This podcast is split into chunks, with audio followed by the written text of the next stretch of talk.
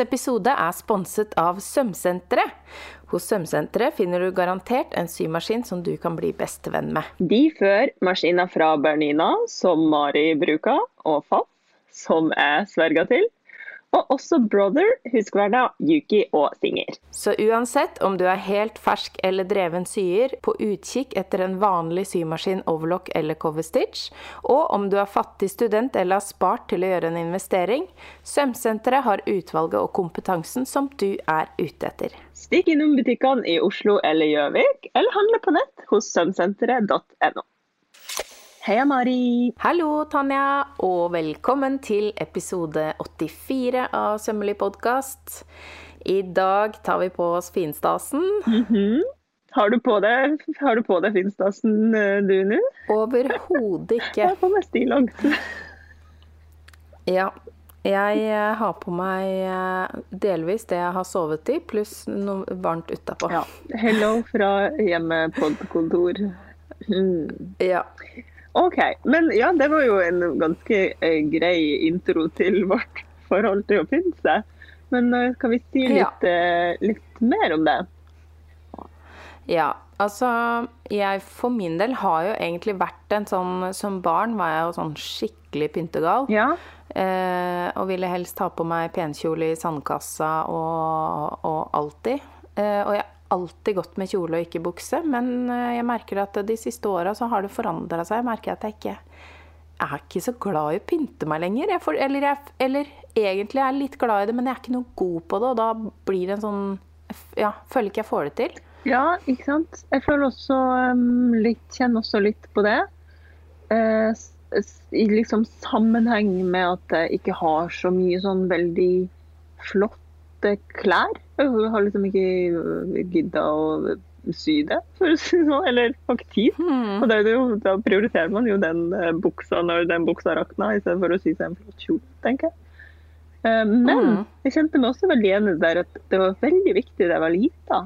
Altså Da jeg gikk på barne, altså i første klasse i Russland, og, og i barnehagen egentlig aller mest, da måtte mamma sy meg en ny kjole hver uke, ellers så nekter jeg å gå i barnehagen. Da bare grein jeg. Altså, kan du tro? For et mareritt. Ja. Ja. ja. ja. Jeg hadde én silkekjole som egentlig var en brudepikekjole. Mm. Og den, jeg, den måtte mamma gjemme, fordi jeg ville bruke den hver dag. Og den var jo den peneste kjolen jeg eide, og den var jo ganske dyr òg, siden det var silke. Ja. Men den, hvis jeg fant den, da hadde ikke mamma sjans. Nei, sant.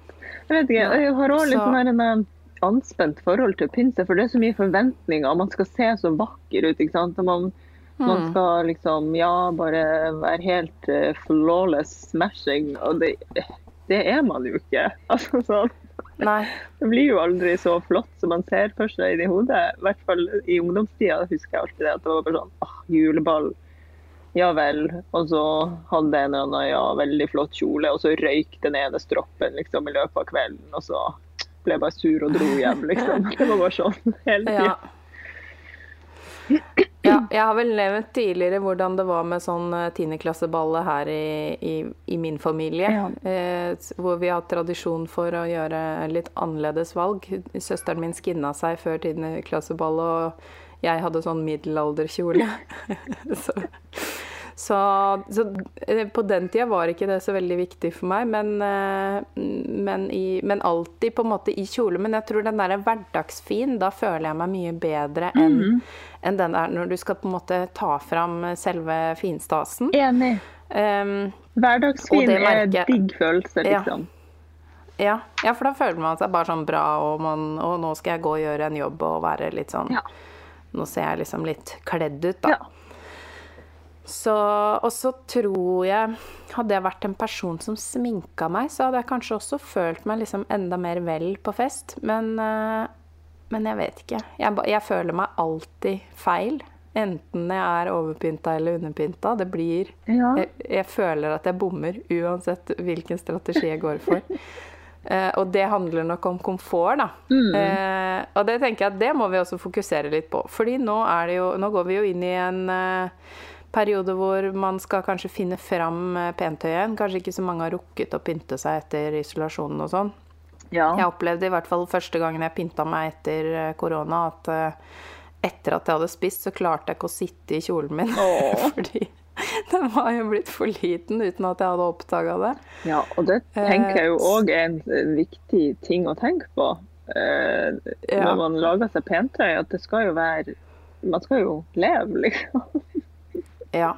Jeg går som regel alltid for sånne løsninger som meg henger ganske slakt i livet. Jeg er ikke opptatt av å vise fram midje, fordi jeg er opptatt av at jeg skal spise så mye jeg vil. Eh, hvis det er sjokolade der, så vil jeg ha det, og da vil det synes veldig godt, fordi jeg egentlig ikke tåler det så godt. Ja, sant. Og jeg tenker gå for komfort. Det er veldig mange måter å pynte seg på uten at eh, man skal drive og styre med og, og tenke på at kroppen skulle vært sånn og sånn. Og jeg syns det er litt viktig at man ikke Altså det her hold-in-opplegget som mange føler at de er nødt til å gå med, bare dropp det. Ja. Ha det fint. Du, Kjør eh, rynkeskjørt og fluffy eh, Fluff rundt magen. Ja, ja. Det, dette her med holding, det hadde jeg helt glemt, Mari. Altså, det har jeg bare det har jeg ikke forholdt meg til livet mitt eh, siden det var en stor greie på 90-tallet, og det var liksom reklame om det overalt. Men det eksisterer jo selvfølgelig fortsatt. Det bare slo meg Folk bruker det fortsatt. Ah, Ikke gjør det, dere! Gjør det. Nei. Så da ville vi bare Vi ville bare si vi ser dere. Bare husk at dere er fine som dere Ja, er. Uten. I, uten utstyr. Dropp eh, hold inn, få frem magen. Um, hvis noen hører en katt nå, så er det bare min katt, uh, min fosterkatt, som er veldig snakksalig akkurat nå. Det tror jeg bare vi må leve. Ja. ja, det er koselig. Ja. OK. Ja. Um, ja, men altså, sesong, det er jo pyntesesong, ja. Men, men eh, det spørs jo om man får dratt på julebord og sånt i år igjen, da. Men man kan jo pynte seg hjemme. Mm. Dere, ikke glem det. Hvis, hvis man uh, ikke er sånn som oss, da, og savner alt dette her med pynting, det er jo lov å pynte seg hjemme. Mm. Guri malla, Gimli. Og det er bare koselig at Gimli Da får, da får folk en stemme til Gimli. Ja. Det er hyggelig. Nå kom Luna hit også. Ja. Hun litt, lager ikke så mye lyd. Um, ja. Og, og så tenker jeg, fordi egentlig det er det som er så ironisk, at jeg savner på en måte litt å pynte meg. Eh, men siden jeg har litt sånn eh, eh, Blir veldig nervøs og sånn når jeg skal på, i sosiale lag med mye folk. Jeg tror det er der det ligger for min del. At eh, siden jobben min er klær, så er det litt sånn det blir sånn press. At man skal være pynta, men man skal også være litt avslappa. Og så kommer jo folk til å spørre om det er hjemmesydd, og den kjolen jeg aller mest hadde lyst til å ha på meg, var kanskje ikke hjemmesydd. Altså bare hos meg så starter det en sånn storm av bekymringstanker med en gang jeg skal noe. Eh, og for de som ikke har så mye sånn kvaler for å gjøre ting, så er det kanskje enklere. Men når jeg bare skal være hjemme, eller bare skal liksom være sånn ha besøk av eh, ja, mamma og pappa eller hva som helst, da, det, da er det mye enklere for meg å pynte seg. Så man kan jo øve seg litt hjemme, og så kan man huske på ja. Å, dette, nå var jeg fin, ja. Bygge opp selvtilliten hjemme, liksom. Huske det til neste gang.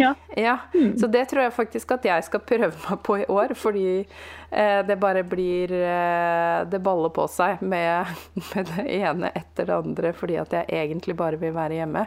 Ja, Ja. jeg skjønner den. Jeg ser den. Mm. ja. OK, men hvis man skal sy seg noe flott, da. Altså, eh, ja, vi har jo sydd oss flotte ting, vi òg, så vi har jo eh, noe erfaring her. ja, så la oss eh, kanskje begynne med å snakke litt om stoffvalg, da. Har du noen personlige favoritter? Um, jeg tenker jo at uansett uh, nei, ikke uansett fiberinnhold, vi vet jo alle hva vi foretrekker der. Men um, Ja. noe som faller litt tungt, syns jeg er, er. Det er liksom for meg Tungt fall er lik eh, pynt. Ja. Ja, jeg er enig, med unntak av silkeorganza. ja, ja. Det er jo en helt egen Hva skal man si? Jeg vet ikke. Et eget Ja, eh, vi kan snakke litt mer om det etterpå. Ja. Mm. Så altså silka og um, det er jo veldig mye av disse her um, trefiberbaserte stoffene, altså viskosestoffer, tensell, modal, alt sånt som eh, før i tida ble kalt fattigmannssilke, alle de har jo veldig flotte fall. Fall ganske tungt. Mm. Og det som er litt fint da, er jo at man kan være ganske sånn nedtona pynta i de mattere variantene av de stoffene. Eller så kan man se mer sånn jålepynta ut, hvis det er litt mer glans. Ja. Da føler i hvert fall jeg meg ofte vel hvis, hvis stoffet er matt, men har fall. Mm. Enig. Absolutt.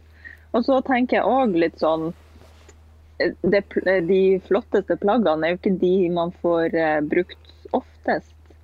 Um, og da er det kanskje um, der man kan investere litt ekstra penger. Nettopp fordi de kommer til å vare mye lenger. ikke sant? De får jo ikke kjørt seg i vaskemaskiner og sånn. Så da tenker jeg at uh, for å føle seg enda litt sånn flott all the way inside and out, så gjør det jo noe med at du Mm. vet at dette er silke, liksom.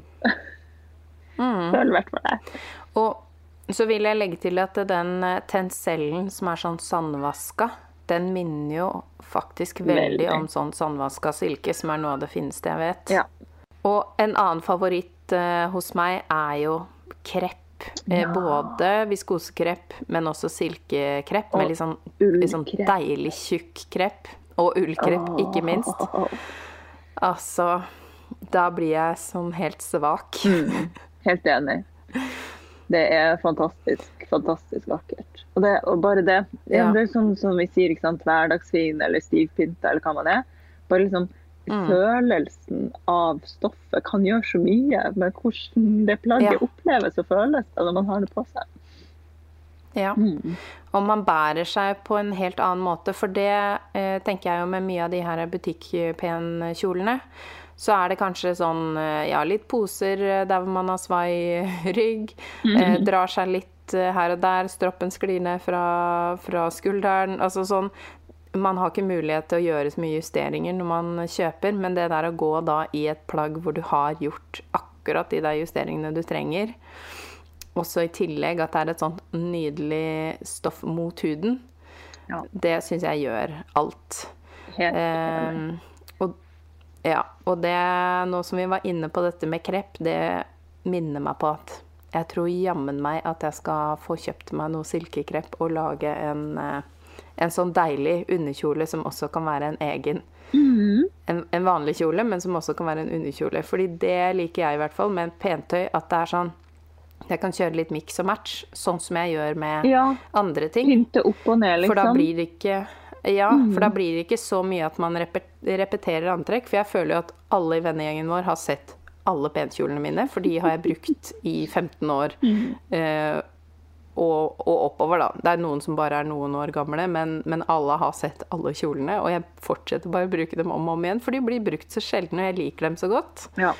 Eh, men da er det jo også noe man føler litt på, ikke sant. Men hvis man da syr noen sånne gode klassikere som kan mikses og matches litt med ulik overdel, eller Altså sånn todelte ting er jo kjempelurt, men også det en sånn enkel, litt sånn smal silhuett, sånn at man kan ha noe utapå, er jo også veldig sånn grei Grei å kombinere, da. Absolutt. OK, altså. Ja. Men um, krepp, da er vi jo på en måte inne i, veving allerede. Og det er jo noen, um, Ja. noen vevemåter som kanskje forbindes mer med eh, selskapstøy enn andre. Jeg bare mm. nevner nevn én i farta, som kanskje de fleste forbinder med flotte klær. Eller sengetøy. Sateng. ja. ja. Ja. Og det betyr jo at den er blank på den ene siden og matt på den andre siden, fordi det er sånn den er vevd, sånn at fiberne legger seg på en måte på en, en måte som gir mer glans på den ene siden. Mm. Og liksom den satengvevinga gjør også Jeg føler den gjør noe med liksom holdet i stoffet. Det, det, Mm. det, det lever et eh, eget satengliv, på en måte. Som er veldig, Ja. veldig flott. Presenterer seg pent. Mm. Og da er det jo to forskjellige satengtyper å skille mellom, mener nå jeg. Da, hvis vi snakker sånn silkesateng som er ganske sånn myk og glatt, så er jo det, syns jeg, kan være ganske nydelig. Selv om jeg ikke pleier å bruke det så mye selv. Eh, men så er det jo denne såkalte partysatengen, som er veldig stiv, og som ofte er eh, polyester. Ja. Og det, begge er sateng, men de kan ikke sammenlignes i det hele tatt. Eh, så det kan være litt forvirrende. Ja. Sjekk fiberinnholdet når eh, dere er Ja. ute og skal skaffe dere flott selskapsstoff. Ja, Mm. og kjenn på fallet. Det er faktisk ganske vesentlig. Ja. Fordi, eh, for det er en del stive selskapsstoffer der ute som ser veldig sånn pyntet og, og nydelig ut, og som, en, som kanskje kan bli litt sånn stive og stå litt rart Ja. til den kjolen man har sett for seg. Så det er jo litt viktig at man tenker på. Ja. Men apropos um, silkeseteng, man kan jo få ganske stiv silkeseteng også. Liksom de tjukkere Du vet sånn tjukk sånn, brude-silkeseteng. ja, Hva er det? eh, Mm. Er det duchesse? Er det det de kaller det? Nei, gud. Nå ja, eh, det er i hvert fall i den stiv, stivelsessjangeren. Ja. Så det er jo det er en slags stivelsessjanger her. Så det er jo mulig, Ja. hvis man har lyst på noe veldig sånn um, arkitektonisk, eller liksom en veldig um, sånn type kjole eller uh, overdel eller bukse, eller hva vet jeg. eh, Mm. Så er det Mm. mulig å få tak i gode naturmaterialer. Det må ikke være partysateng til 39,90 meter. Nei. Og apropos eh, altså struktur i plagg, da, Mm. så er jo også eh, silkeorganza, som er en personlig favoritt hos meg Organza er jo da som regel ganske gjennomsiktig, Yes. så der kan man jo få veldig mye morsomt ut av det. Altså mye fluff. Ja. Det syns jeg er veldig gøy. Eh, organza fins jo også i eh, syntetiske varianter, men eh, det jeg liker veldig godt med den i silke, er at den er sånn, litt sånn tørr og god. Ja. Eh, Sånn at du på en måte nesten tenker at det er bomull, men så er det silke. Ehm, så det er jo i hvert fall en favoritt hos meg. Ehm, men andre ting som også står litt mer, det er jo f.eks. Uh, thaisilke eller ehm, Å, herlighet, nå står det helt stille for meg. Den eh, typen som er Taft. Taft, ja. Ja. Eh, altså, og da er det, det er jo nesten som papiraktig, ikke sant? Men ved veldig mye bruk og vask, så kan også den bli veldig myk og på sikt. Mm. Eh, så det kommer jo veldig an på vevinga og, og kvaliteten, da. Tettheten i stoffet, rett og slett. Ja. Og husk på um, å velge stoff etter både etter selvfølgelig uttrykk, men også kanskje etter nivå og hva slags snitt dere tenker å sy. Altså sånn som taft, som Mari sier er jo nesten som papir, er så vanskelig å forme. Og, og jobbe Mm. med å få pene sømmer hvis det, er, hvis det skal være mye holdning og bua og hva enn. Det, kan være utfordrende. Da er det mye bedre med den digge kreppen som bare mm, legger seg Mm. akkurat sånn som du vil. ikke sant? Ja. Ja, Men den faller jo igjen, da. Og krepp kan være ganske lealaust. Ja. Så det er greit å vite. ja.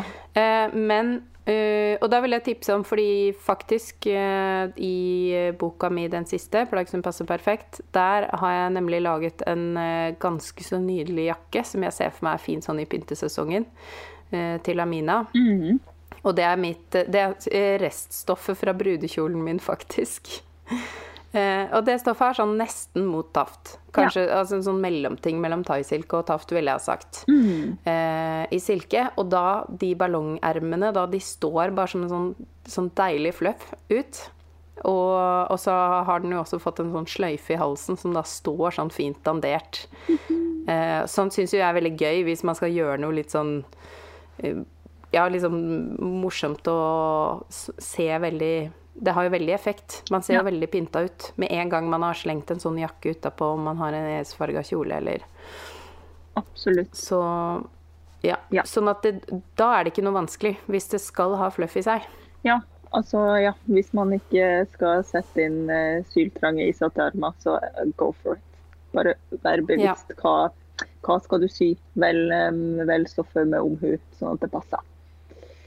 Ja. Eh, apropos stoff med omhu. Eh, vi kan jo ikke forlate eh, stoffoppramsinga uten å nevne fløyel. En eh, ordentlig klassiker, spesielt på jeg føler jule, julesesongen. Fløyelskjole midt i, midt i eh, eh, tapeten.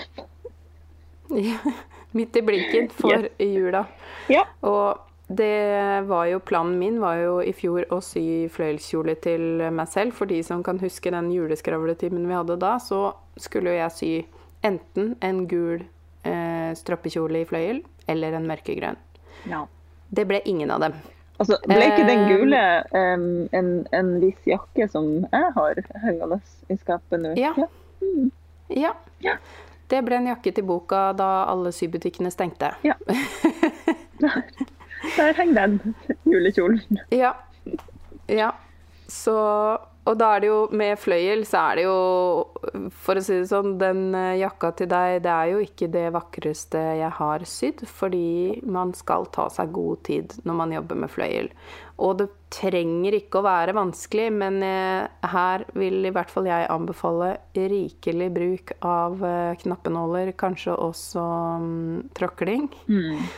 Ehm, fordi man kan jo tenke seg at der hvor de hårene møtes, så er det jo sånn at hårene på en måte da dytter hverandre, sånn at eh, stoffene sklir i hver sin retning, hvis det gir mening. Ja.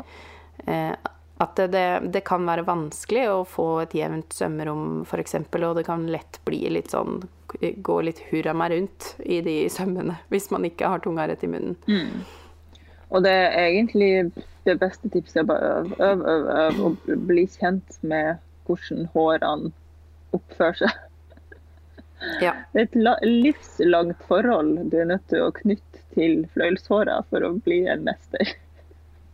Ja. Ja. Det er, eh, det er viktig å bare rett og slett være litt tålmodighet. Ta deg den tiden du trenger, fordi hvis du gjør det, så kan det bli så veldig nydelig også. Eh, og en ting som jeg faktisk gjør hvis den fløyelen er litt fluffy, så har jeg en sånn tannbørste liggende ved eh, strikkebrettet. Så jeg går over sømmene og børster dem litt med den tannbørsten. Ja. For å, å liksom eh, glatte over litt der hvor det er en søm. Ja. Det, ja. Og det er mye man kan um, er, Vi burde ha en egen fløyelsepisode en vakker dag. Vi bør faktisk det. Ja.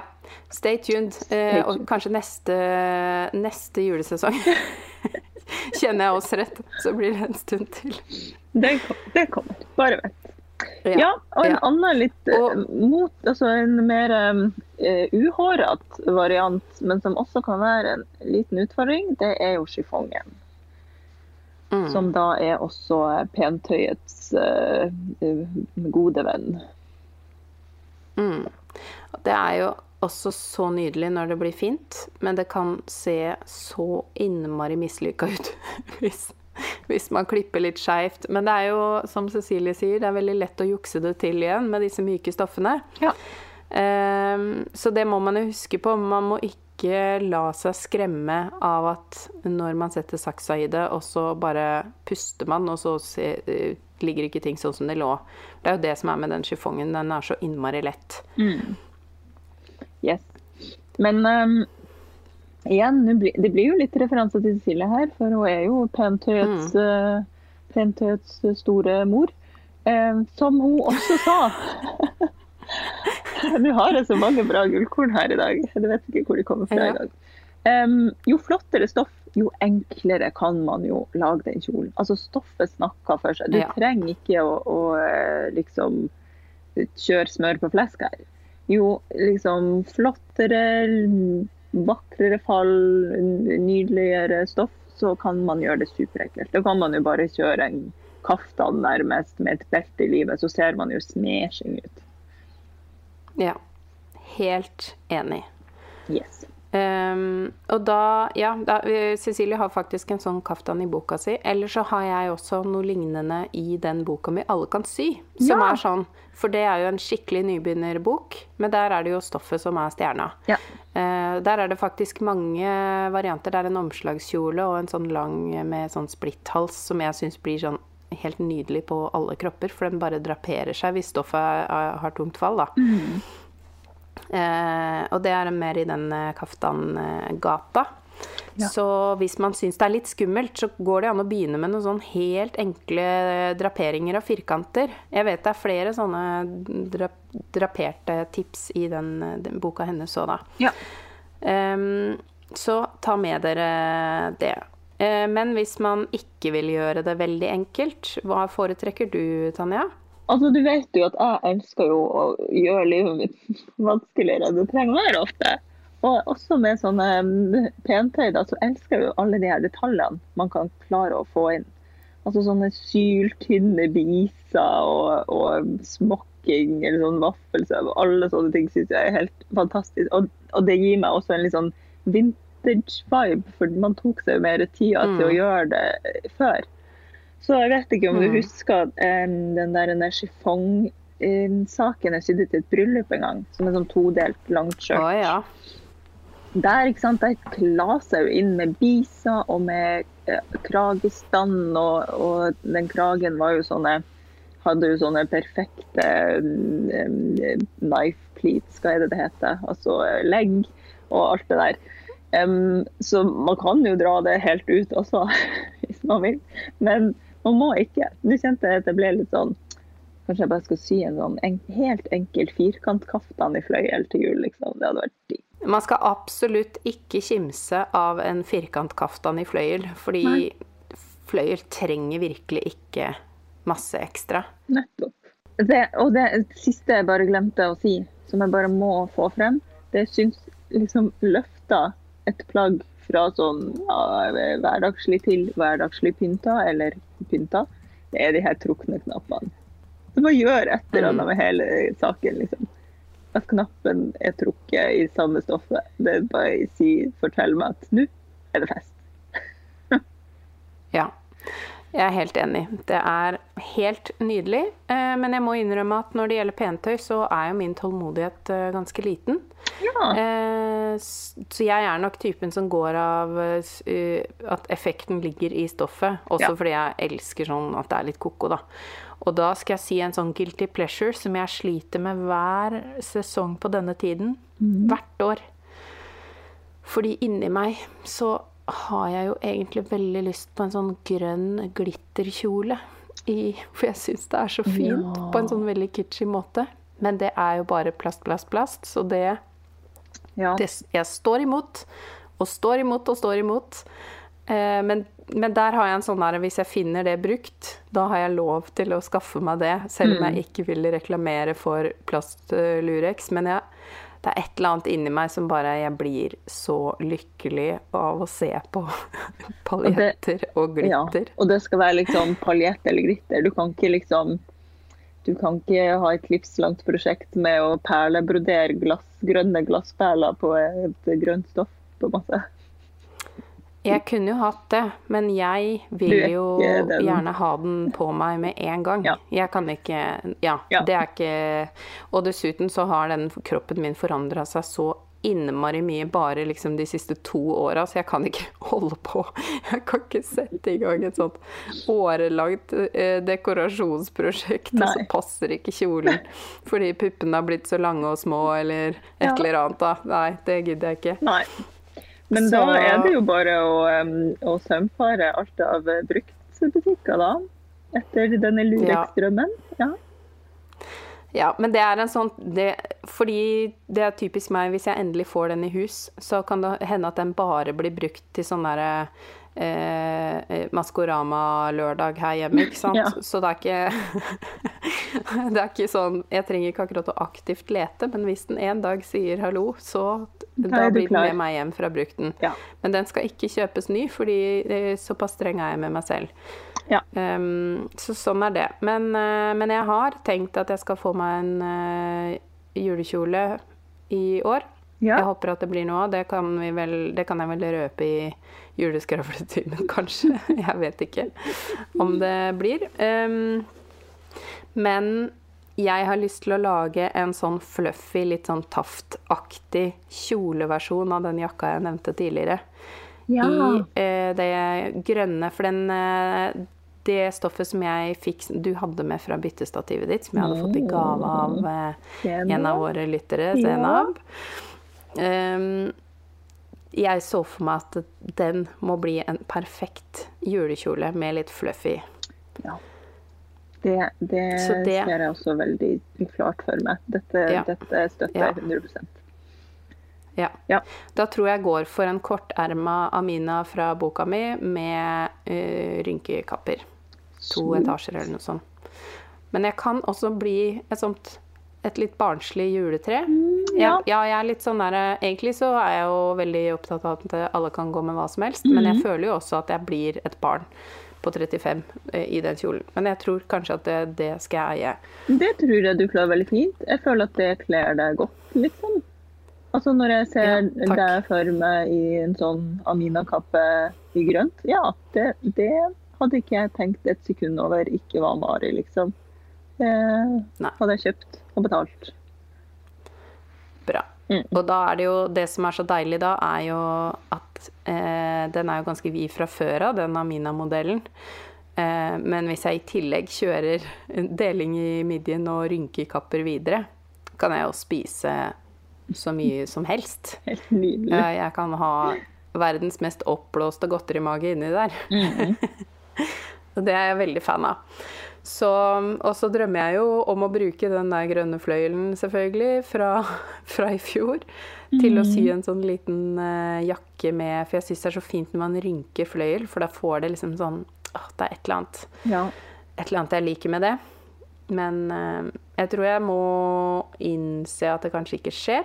Jeg har jo også begynt på en selskapskjole tidligere i år som jeg kanskje skulle ha på lanseringa mi. Det skjedde ikke. En sånn gul restekjole.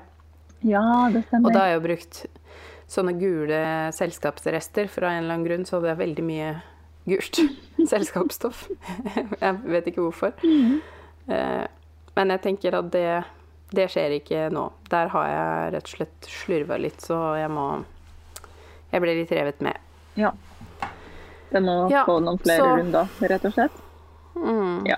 Ja, den må Altså, jeg har jo kjørt franske sømmer på alle skjøtene eh, i de, eh, de ulike lappene jeg har sydd sammen, da. Ja, så det er ikke bare bare Eh, å Nei, så, så det er pent gjort, men den selvfølgelig da er det jo en del tyngde i det stoffet, så skulders, skuldersømmen har liksom siget ut litt. Jeg burde jo kjørt en sånn holdning inni der. Ja.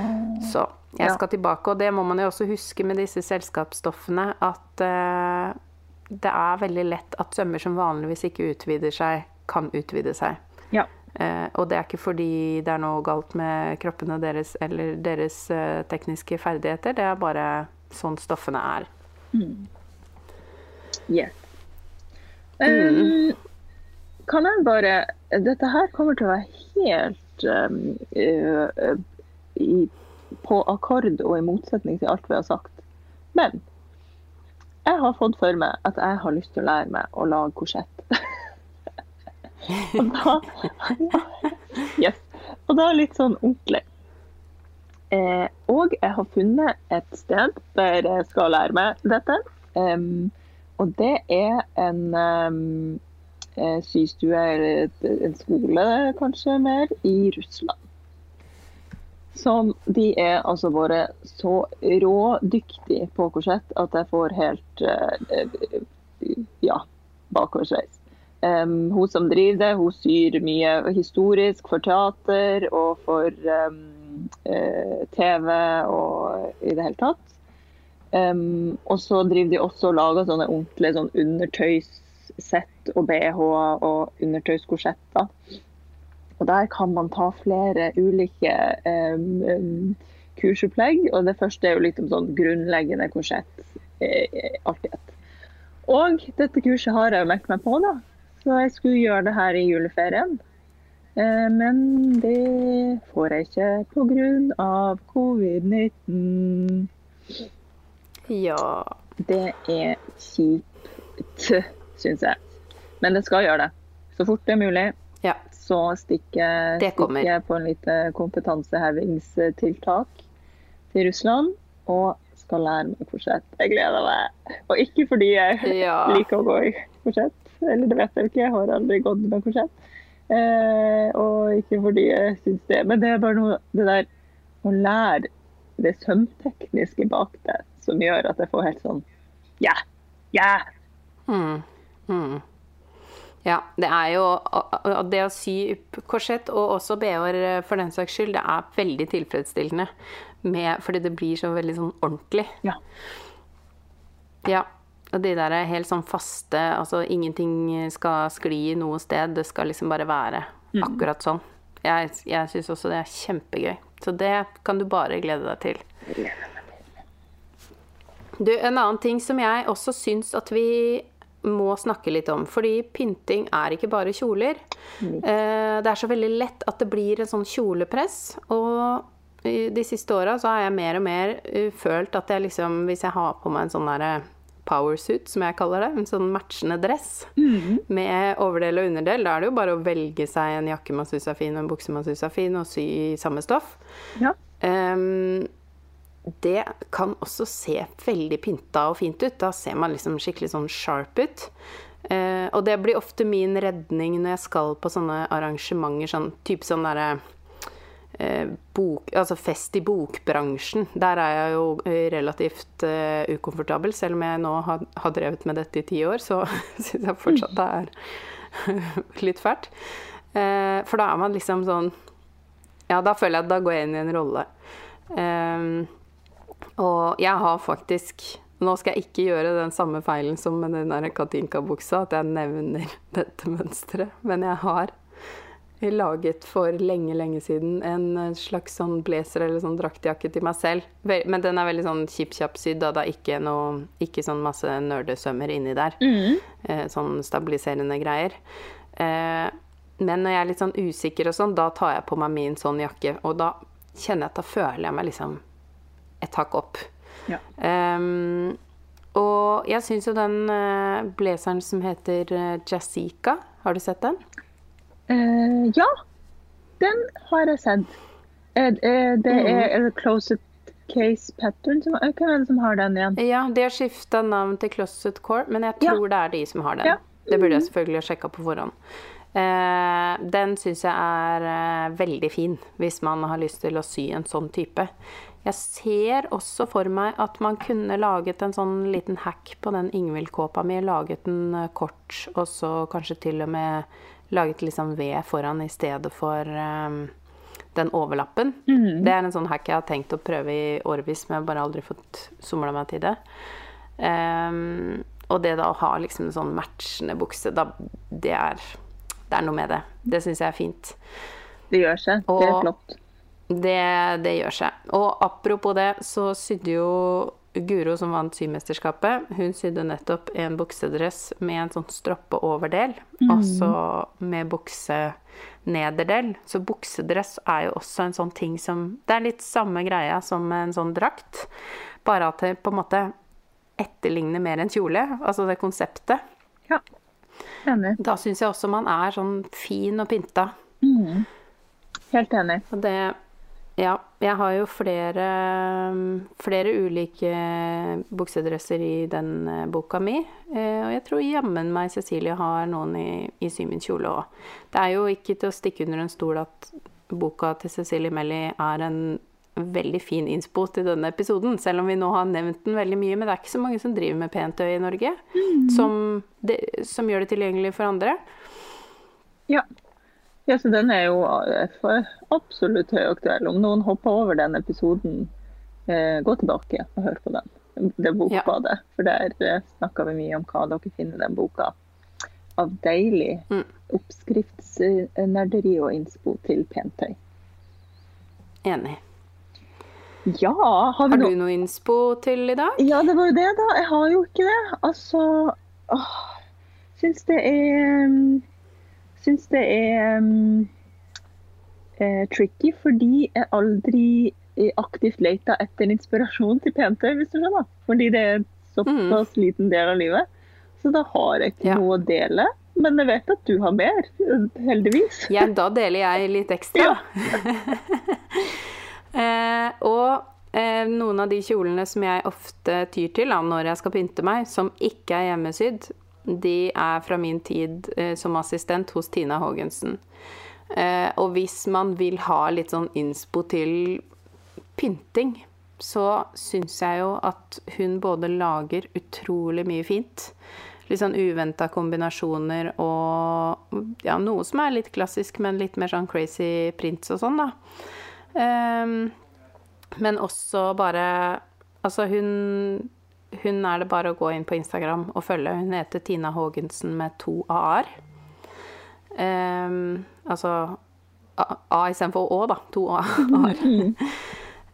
um, og bare ja, se på de tingene hun eh, har, rett og slett. La deg inspirere og få liksom den derre De detaljene hun bruker, og det er mye som er på en måte kanskje ment som hverdagsplagg, men som er absolutt pent nok til å pynte seg med.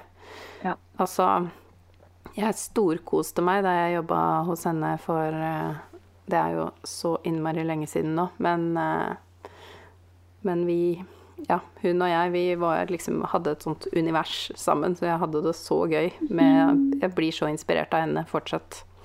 Gøy. Så det er én eh, skikkelig god pynteinspo. Og så den andre, hvis man er på Instagram, er hashtaggen sofrosting. Og da kan man jo tenke at Altså, frosting er jo glasur. Så hvis man tenker at man syr ofte liksom sånne basisting til garderoben som er mer sånn type brød og melk, Eh, så er det jo Her er det jo Glasuren er jo pent høye. Så den her så, hashtaggen var jo full, fullstendig nytt for meg. Så jeg ble bare sånn Å ja, Oh, ja, frost, ja frosting, ja. Ja, det. Det må jeg jo også gå inn og sjekke sjøl her. Det var en fin innspo. Ja. Ja, det er jo så gøy med bare Og det kan jo være alt fra folk som liksom da øh, kjører perlebroderi på en hel kjole før de syr den sammen, eller altså Det er så mye sånn ekstravagante ting da, ja, inni der. Ekstra, ekstra. Det kan vi like. Ja. Det kan vi like. Mm. Så får vi vel avslutte med noen feil, da. Ja, der har jeg, der har jeg noe å bidra med. Om ikke jeg hadde noe ja. på innspo. Um, og det første jeg har å bidra med, er i Chiffongata. Uh, og um, det Her kommer vi igjen til det her med funksjon og komfort og søm og sånn. Um, for eh, Tanja anno da jeg sydde denne, tilbake til denne brud, uh, brudantrekket, høres ut som jeg har vært brud. Uh, det antrekket hadde på meg i et bryllup til en venninne som jeg sydde, av chiffon. Der skulle være veldig sånn um, jålete. Og klippe sømrommet ganske godt ned. For chiffongen var jo gjennomsiktig og alt det der. ikke sant? Og jeg hadde lyst på sånn kjempepene, skarpe eh, sømrom inni der det eventuelt kunne vises og skinne gjennom. Det jeg ikke tok høyde for, Eh, var at det jo kom til å bli ganske mye heftig dansing i dette bryllupet etter hvert. og da hadde jeg sydd på Jeg hadde noen sånne mansjetter. Det var en, kort, en korterma greie. Med, eller de ermene går kanskje sånn ned til midt på overarmen. Eh, igjen med en sånn mansjett som har sånne flotte folder i seg. Um, og der i eh, altså sømrommet til selve ermet i mansjetten der hadde jeg vært litt for flink og klippet ned til 0,5 cm sømrom. Og det var ikke nok da jeg dansa rundt som en villas og slang armene rundt meg. Så det sømrommet gikk jo i oppløsning fordi chiffongen var så tynn ikke sant? og mansjetten var ganske stiv. Og satt egentlig litt sånn fast eh, der på armen. Mens eh, når jeg slang rundt meg med armene, så ble jo ermene dratt ut av denne mansjetten. Så da hadde jeg flere hull eh, langs mansjett på syinga etter eh, en heftig dansekveld. Eh, som jeg har reparert, da, selvfølgelig. Men da når jeg reparerte, så sydde jeg rett og slett mansjetten lenger opp og lot det være ganske mye mer sømrom i tilfelle rottefelle. Ja. Det kan jeg bare si at det har jeg opplevd med flere chiffongplagg eh, fra den tiden jeg kjøpte mer. Mm. At, eh, at, det kan jo veldig lett skje med chiffong, for den er så løst vevd. Ja, det kan den det. går opp, rett og slett. Ja. Mm -mm. Yes, det var én, og jeg har en til, bare for å ta igjen at jeg ikke hadde noe innspo. Mm. Og den er nok ikke eh, min personlige, men det var, og jeg husker ikke eh, hvordan denne feilen klarte å, å, å, bli gjort. Men det var altså, jeg mener det var en medlærling back in the day eh, som skulle klippe um, en kjole i noe um, sikkert rådyrsateng. Eh, og vi har jo vært inne på dette med sateng, at det har en viss, et visst skinn eh, fra, eh, på den ene sida. Og det som er litt artig, at ofte så skinner det annerledes hvis eh, stoffet henger eh, med én side opp kontra med en annen side opp. Så det vil også si at man egentlig må sjekke ganske grundig før man eventuelt klipper ting anføttes, altså mønsterdeler anføttes, eh, og varierer hva som er opp og ned på stoffet. Og det hadde jo ikke denne stakkaren tatt inn over seg. Eh, og det var en kjole med sikkert eh, altså, tre paneler i front, midtpanel og to sidepanel og fire paneler bak, tror jeg. Og alle var forskjellige. Altså, ja, det var sånn Jeg tror ikke det engang ble annenhver som kanskje på et eller annet vis kunne vært rettferdiggjort. Det var bare hytt og gevær i skinnet. Å, det var så vondt. Eh, og da er det jo ikke så mye man får gjort. Altså, da er det bare det det, det, det på en måte. Mm. Hmm. Det, og så er det jo surt da når det er et dyrt stoff. Ja. altså. Det er det alltid. ja. Mm. Og apropos Og da Nei, det da bare du si det. Da. Da syns jeg jo det passer med en liten påminner som vi ikke nevnte når vi snakka om fløyel tidligere. Ja. Fløyel må klippes med alle biter samme vei, fordi den skinner lyst i den ene retningen og mørkt i den andre retningen. Hårene står em, i en retning, så ja. mm. Enn du? Noe feil å by deg på? Ja, det er jo en klassiker eh, som jeg eh, sikkert har gjort veldig, veldig mange ganger. Sikkert altfor mange ganger i forhold til at dette er jobben min. Glemme å skifte nål før man begynner å sy i et sånt litt sånn skjørt stoff. Ja. Ops, ops. Da drar man i trådene, og det blir ikke pent. ja. Um, ja, den feilen har jeg gjort mange ganger, så jeg gidder ikke å komme med eksempler engang. um, jeg blir like oppgitt over meg sjøl hver gang. Uh, og så er det jo da selvfølgelig det å glemme holdningstråd i halsen på de her løse stoffene når du skal prøve inn. Mm. Eh, og når man ikke gjør det, kanskje ikke alle vet hva det vil si engang, men det er jo da rynketråder som man setter i halsen sånn at ikke den utvider seg før man syr på belegget. Eh, fordi hvis man da ikke har gjort det og syr på et belegg, så vil man få en sånn stygg sånn tutekant. At det liksom bølger seg langs halsen i halsåpninga, og det er jo kanskje der det syns aller best. Mm. Så det det har jeg også gjort eh, ved flere anledninger eh, i min eh, nybegynnertid. Annet til en kunde, og det var jo helt Altså, den kjolen jeg sydde da, jeg var jo ikke eh, Ja. Den, den har jeg tenkt på, faktisk, den forferdelige kjolen i ettertid. Det var sånn åh. Tenk at noen betalte for den. Nei, den, var, Ja. den er eh, Jeg tror jeg fikk fiksa på den, og det kan godt hende at den ikke var så ille som jeg husker. Men Ja. den følelsen, Det er vondt å ha den. den er kjip. Ja. Så, så ja, det er eh, Jeg fant vel ganske tidlig ut at jeg ikke var noen selskapsdame.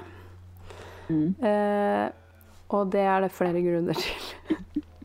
Men dere der ute har jo alt potensial i verden til å være selskapsfolk, eh, dere da, basert Ja. og lære av våre Ja. feil. Sånn at Ja. dere kan hoppe over de feilene og bare skli rett inn i eh, festmodus. Ja.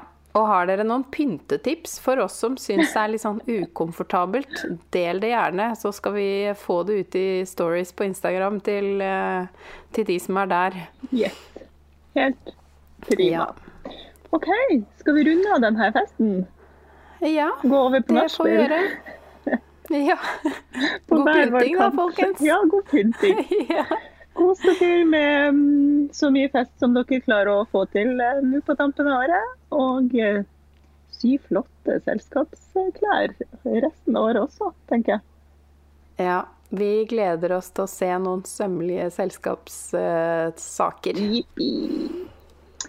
Ha det, da. Takk for i dag. Takk for i dag. Tusen takk for at du hører på Sømmelig podkast. Og takk til Andreas Prestmo i Wildtagen Studios for lyd og klipp. Og til Synnøve Overid for den fine musikken.